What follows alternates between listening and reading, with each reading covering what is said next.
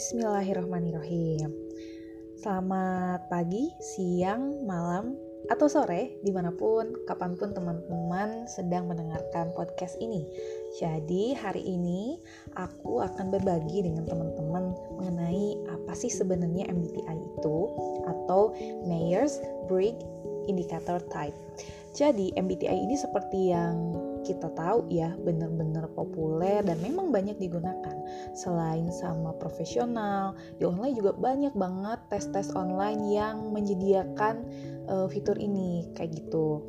Nah saking populernya di Amerika sendiri itu banyak juga orang yang pakai secara online. Sekitar 2 juta online 2 juta netizen yang online ya maksudnya itu pakai MBTI untuk mencari tahu sebenarnya aku tuh tipe kepribadiannya apa sih? Padahal masih banyak kan ya um, alat untuk mencari tahu tipe kepribadian kita seperti apa gitu.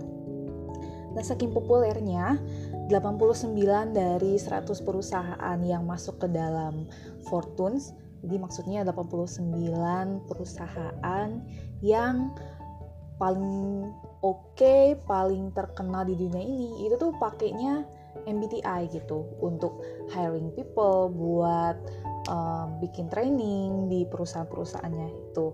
Karena saking populer dan bergunanya gitu betapa cocoknya MBTI ini buat orang-orang itu di perusahaan hiring orang dan e, memetakan karyawan-karyawannya itu. Termasuk di beberapa organisasi juga gitu. Nah kita mulai dari sejarahnya dulu ya jadi sejarahnya itu dulu ada ibu sama anak namanya itu ibunya Catherine Briggs dan anak perempuannya namanya Isabel Briggs Myers. Makanya ini nanti selanjutnya dinamakan Myers Briggs gitu, karena diambil dari last name-nya mereka. Jadi pada saat itu hmm,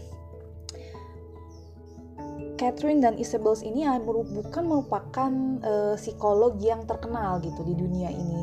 Beda seperti psikolog-psikolog yang lainnya ya kayak kalau yang terkenal tuh yang punya teori-teori besar contohnya Abraham Maslow gitu termasuk Carl Jung yang akan kita diskusikan juga nih karena MBTI ini didasarkan dari teorinya Carl Jung. Nah, pada saat itu kebetulan di saat Catherine sama Isabel ini hidup, dunia ini tuh sedang mengalami World War II atau Perang Dunia yang kedua. Perang Dunia Kedua, otomatis orang-orang yang berkeluarga itu kan ditinggal ya sama suami-suaminya ke medan perang. Otomatis perempuannya yang ditinggal di rumah itu kan berarti harus menghidupi dirinya sendiri kan. Bingung nih gitu apa sih sebenarnya pekerjaan yang cocok untuk kita gitu sebagai perempuan? Dan juga remaja-remaja lain yang pada saat itu seumuran kita kan sudah bekerja ya gitu seumuran teman-teman lah gitu ya. Karena kan kalau saya udah kerja. Nah uh, untuk karena mereka ini psikolog gitu ingin uh, membuat sebuah alat tes yang menentukan tipe apa sih kepribadian yang cocok sehingga oh aku cocok nih misalnya kerja sebagai kasir, sebagai pedagang, sebagai guru. Nah, tapi kan di saat itu belum ada tuh tes yang seperti itu. Akhirnya ibu dan anak ini bikinlah gitu sebuah um, tes kepribadian yang pada akhirnya nanti dinamai MBTI. Akhirnya mereka berpikiran bahwa teorinya Carl ini kayaknya cocok untuk dipakai uh, dasar sebuah alat tes. Karena kan kita kalau bikin alat tes itu tidak um, tidak semena-mena ya. Maksudnya harus ada dasarnya apa. Nah dari Carl ini ada uh, dia ini mendasari bahwa orang-orang itu kalau misalkan berinteraksi gitu ya di dunia nyata gimana dia merespon sebuah stimulus atau pengalaman gitu. Kalau marah orang kayak gimana? Itu ada empat dikotomi gitu. Ada empat makanya nanti itu hasilnya itu ada 16 tipe kepribadian. Ya awalnya dari empat dikotomi ini. Yang pertama itu adalah uh, extroversion sama introversion. Extrovert sama introvert gitu. Yang kedua itu sensing atau intuisi yang ketiga thinking atau feeling berpikir atau merasakan ya yang terakhir ada judging atau perceiving. Kayak gitu menilai atau mempersepsikan. Dari keempat ini nanti akan menghasilkan 16 tipe kepribadian yang saling berkombinasi. Begitu. Itu ya jadi uh, sejarahnya gimana MBTI ini terbentuk dari kedua orang ibu dan anak yang ingin ingin mencari kerja gitu atau sebenarnya ingin um, ingin membantu orang-orang di sekitar mereka buat menentukan sebenarnya lebih tahu lagi gitu ya kepribadian mereka itu seperti apa dan dapat job yang cocok sama mereka. Nah, di tahun 1944 itu terbentuklah first handbook atau manual gimana sih cara pakai MBTI itu, gimana cara mengadministrasikannya, cara ngetesnya gimana, kalau udah ada hasilnya interpretasi seperti apa, gitu. Itu di tahun 1944. 50 tahun setelah itu barulah ada lahir tiga manual dan sampai sekarang di 2021 tentunya udah banyak manual-manual yang terbaru. Kalau versi Eropa dan versi Amerika itu ternyata beda teman-teman. Di Eropa itu biasanya ada sekitar 80 pertanyaan dan kalau misalkan di versi Amerika itu ada 90 pertanyaan gitu. Bisa jadi kalau di versi Asia itu tuh ada beda lagi versinya gitu. Karena kan ini tuh asalnya itu dari Amerika gitu. Tapi kan dipakai di seluruh dunia otomatis kan kayak contoh lah Asia Indonesia punya budaya uh, tersendiri. Kalau misalkan sebuah tes itu mau diadministrasikan di suatu negara atau daerah yang berbeda dari tempat asalnya maka itu tuh harus disesuaikan terlebih dahulu gitu. Kan banyak misalkan pertanyaan yang itu kaitannya dengan um, cuaca misalkan atau iklim. Kalau misalnya di Amerika kan ada musim salju, ada musim panas gitu, musim gugur. Di kita kan nggak ada. Nah, contoh sekecil itu itu pun harus disesuaikan gitu. Jadi tidak langsung kita terjemahkan terus langsung diadministrasikan. Itu nggak bisa. Itu kayak gitu ya. Sama seperti tes kepribadiannya yang lain, MBTI itu sebenarnya nggak boleh diadministrasikan atau di, diteskan oleh yang bukan profesional dalam hal ini psikolog ya kecuali kalau misalkan memang orang itu punya license tertentu kayak gitu baru boleh kayak gitu termasuk menginterpretasikannya gitu jadi sebenarnya kalau misalkan di teman-teman itu lihat di online gitu ada oh MBTI online test free kayak gitu. Terus ada sampai hasilnya gitu memberitahukan ke teman-teman sebenarnya oh misalkan aku nih ternyata INTJ atau INFJ misalnya kayak gitu. Itu bisa jadi memang hasilnya itu mendekati ya, tapi bukan akurat gitu. Kalau misalnya teman-teman pergi ke psikolog, pergi ke apa ya profesional yang punya license itu mereka akan memberikan interpretasi yang lebih oke okay daripada yang online itu gitu. Jadi sampai ke uh, menjuruskan ke teman-teman sebenarnya kekurangan teman apa, kelebihan teman-teman apa dan apa sih sebenarnya pekerjaan atau posisi yang cocok untuk dilakoni oleh teman-teman kayak gitu. Nah, kalau misalkan pada teman-teman nih udah uh, apa sih pernah mengambil tes terus ada hasilnya gitu. Sebenarnya apa sih maksud dari hasil itu tuh? Jadi hasil itu tuh kayak tadi contohnya uh, teman-teman dapat hasilnya itu INTJ. Apa sih artinya? Itu tuh sebenarnya artinya bagaimana sebenarnya teman-teman itu kalau berinteraksi sama dunia dan bagaimana teman-teman itu memanfaatkan pengalaman yang teman-teman dapat. Kayak gitu. Jadi uh, makanya dari situ perusahaan-perusahaan itu bisa sedikit memet bukan sedikit ya memetakan secara jelas ini orang kalau misalkan kerja di perusahaan gue tuh gimana sih gitu. Terus ini orang kalau misalkan berinteraksi sama manajer yang atau misalkan kalau teman-teman gitu ya di IPM ketua bidang yang personalitinya seperti ini dia bakal kayak gimana responnya gitu. Kalau ketuanya marah responnya bakal kayak gimana nih? Apakah mau marah balik atau misalkan dia tenang kayak gimana gitu? Apa sih decision making yang diambil kayak gitu? Oh iya dia tipenya misalkan uh, tipe anu misalkan oh berarti ini dia tipenya kalau misalnya dimarah, dimarahin orang dia bakal marahin balik kayak gitu. Oh berarti dia nggak cocok nih satu tim sama ketua yang ini misalkan seperti itu gitu. Nah, kita balik lagi ke Carl Jung ini ya. Sebenarnya tidak tidak ada yang sempurna di dunia ini termasuk teorinya Carl Jung gitu. Jadi, Carl Jung kita sebutnya Jung aja ya. Jung ini dulu um, pada saat dia sebelum menelorkan teori ini, dia itu kebanyakan mengobservasi teman-teman uh, orang ini gimana sih kalau marah, orang ini gimana sih kalau misalkan menilai sesuatu gimana sih cara cara orang ini mendapatkan informasi? Itu tuh kualitatif observatif dan tidak ada yang um, berupa scientific base gitu. Kayak misalnya kalau scientific base itu uh, kita ngadain eksperimen terus uh, eksperimennya itu sebelum eks eksperimen itu dilakukan ada di ada tes eksperimen terus dites lagi gitu. Nah itu kan sudah jelas sih hasilnya seperti apa. Apakah misalnya eksperimen itu berpengaruh atau enggak? Itu contoh kayak gitu. Kalau Jung itu dia tidak pernah melakukan seperti itu. Nah kritiknya Jung itu itu.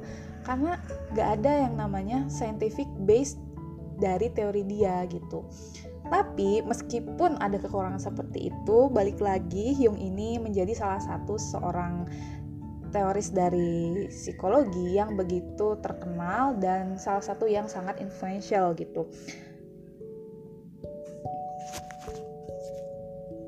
Nah, um, teman-teman kita coba deh kita preteli sedikit ya mengenai empat dikotomi yang tadi.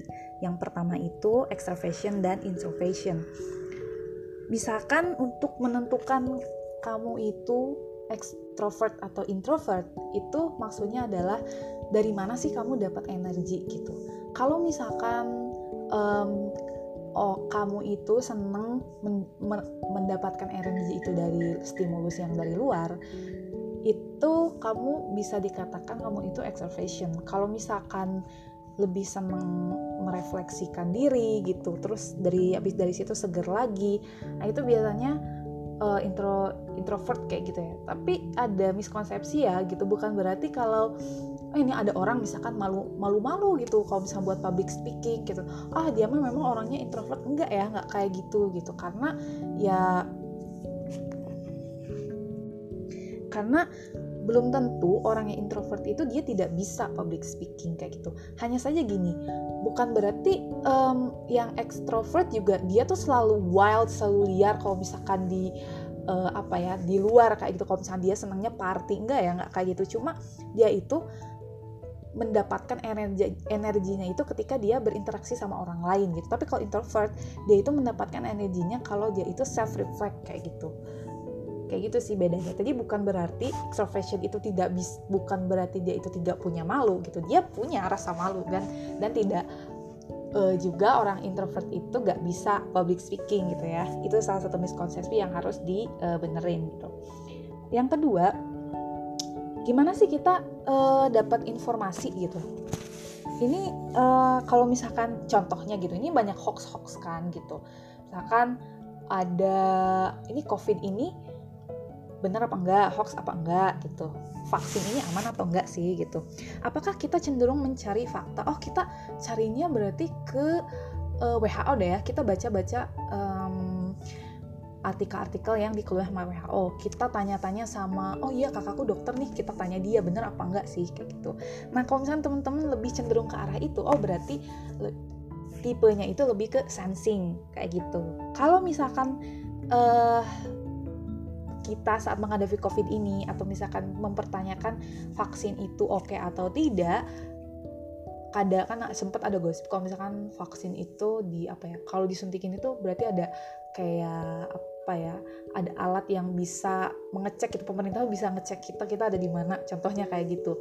Itu kita cenderung ih kayaknya iya deh gitu. Ini kayaknya kalau misalkan uh, soalnya soalnya ini aku merasa diikutin aku abis beres-beres kasur misalkan tiba-tiba di HP ku ada iklan nawarin kasur nih kayak gitu. Misalkan seperti itu itu berarti lebih ke intuisi kayak gitu. Tapi bukan berarti orang yang memiliki intuisi itu selalu salah ya enggak ya. Cuma ini hanya tipe-tipe orang aja gitu mendapatkan informasi itu seperti apa. Yang ketiga mengambil keputusan. Ada orang misalkan um, kayaknya mending beli kerudung deh kerudung instan deh daripada kerudung kotak. Ini misalnya untuk perempuan ya gitu. Kenapa? Soalnya kalau misalnya kerudung kotak itu kalau misalnya ada acara siang-siang tuh nggak nggak ribet gitu. Dan lagi pula kerudung kerudung yang kotak kan udah punya banyak misalnya di rumah kayak gitu. Itu berarti ya kan berarti ada keputusan logis di baliknya gitu. Sehingga memutuskan buat beli kerudung yang instan kerudung yang bergeblus gitu. Tapi kalau misalkan ah aku pengen beli kerudung yang kotak aja deh gitu. Soalnya ini kayaknya bagus deh buat dipakai nanti gitu. Kalau enggak ini um, kayaknya aku bakal suka deh kayaknya kayaknya gitu. Tapi maksudnya lebih ke emotion gitu. Nah itu berarti itu uh, gayanya itu lebih ke feeling gitu dalam memutuskan sesuatu.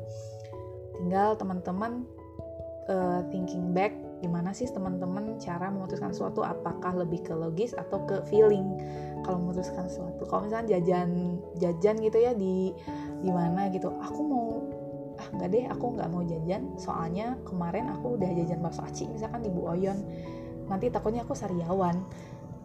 Tapi itu berarti logis ya. Tapi kalau misalkan ah um, beli ah nanti pas pulang ke pesantren nanti nyesel nggak beli kayak gitu itu kan berarti feeling gitu didasarkan kepada emotion. Itu ya kalau misalkan decision.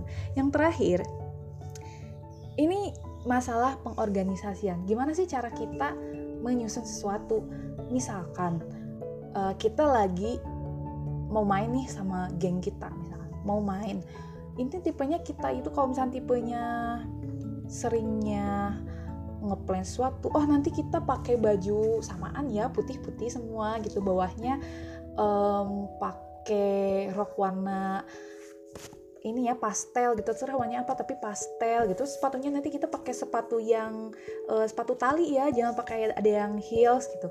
Terus nanti kita pergi ke anu terus habis dari tempat situ kita ke tempat B terus nanti dari tempat B kita makan ya di C gitu. Nanti kita ke sananya naik uh, gokar apa grab kayak gitu. Terus habis dari situ baru deh kita pulang ya. Oh ya pas pulangnya nanti kita uh, foto-foto dulu ya kayak gitu. Nah itu berarti planner nih. Dia tipenya kalau misalnya tipenya planner berarti tipenya tipe dari MBTI-nya atau judgment kayak gitu. Tapi ada juga orang yang misalkan ayo jalan-jalan ke mana ya keluar aja lah dulu gitu. Nanti kita lihat aja di sana ada apa aja kayak gitu. Terus um, kalau misalkan kita lapar gimana? Ya udah tinggal makan aja gitu. Gampang kan? Makannya di mana? Ya nanti bisa uh, di sana kan banyak tempat makan gitu. Nah itu berarti orangnya fleksibel. Kalau misalkan ada sebuah uh, perubahan dia nggak terlalu uh, stres gitu ya. Ya udah tinggal berubah aja gitu. Misalkan mau makan bakso eh ternyata tutup tempatnya gitu. Ya udah kita cari tempat makan yang lain ya atau atau tukang bakso yang lain. Itu contohnya. Jadi ya ada empat ya tadi ada kalau misalkan kita mau lihat energi di mana berarti dia dikotominya adalah extrovert sama introvert. Tapi kalau misalkan kita mau tahu dia cari informasi dengan cara apa berarti itu uh, sense atau intuisi. Kalau misalkan cara mengambil keputusan berarti itu thinking atau feeling.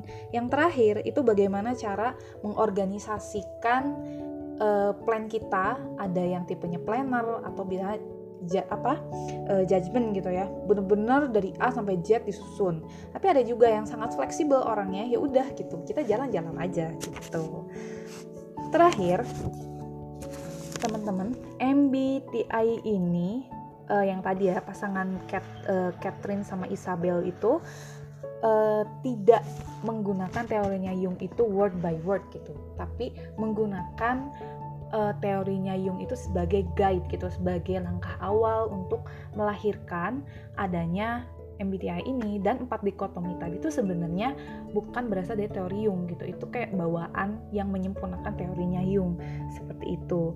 Maka dari itu uh, banyak sebenarnya tadi karena di awal aku udah bilang kalau misalkan ada dari 80 dari 100 tuh ada 89 perusahaan besar di dunia ini yang menggunakan MBTI untuk keperluan uh, meng-hire orang terus mem, mem, melaksanakan sebuah training kayak gitu menempatkan orang gitu. Karena uh, tipe ke tipe tes kepribadian ini tuh sangat cocok gitu untuk melihat orang ini tuh karakternya seperti apa cocok gak disatuin sama orang yang tipenya yang ini kayak gitu. Terus bisa tahu juga memprediksi juga kalau orang menghadapi orang ini menghadapi sebuah krisis itu responnya akan seperti apa gitu. Apakah bisa membantu temannya yang sudah ada di perusahaan kita? Kayak gitu teman-teman.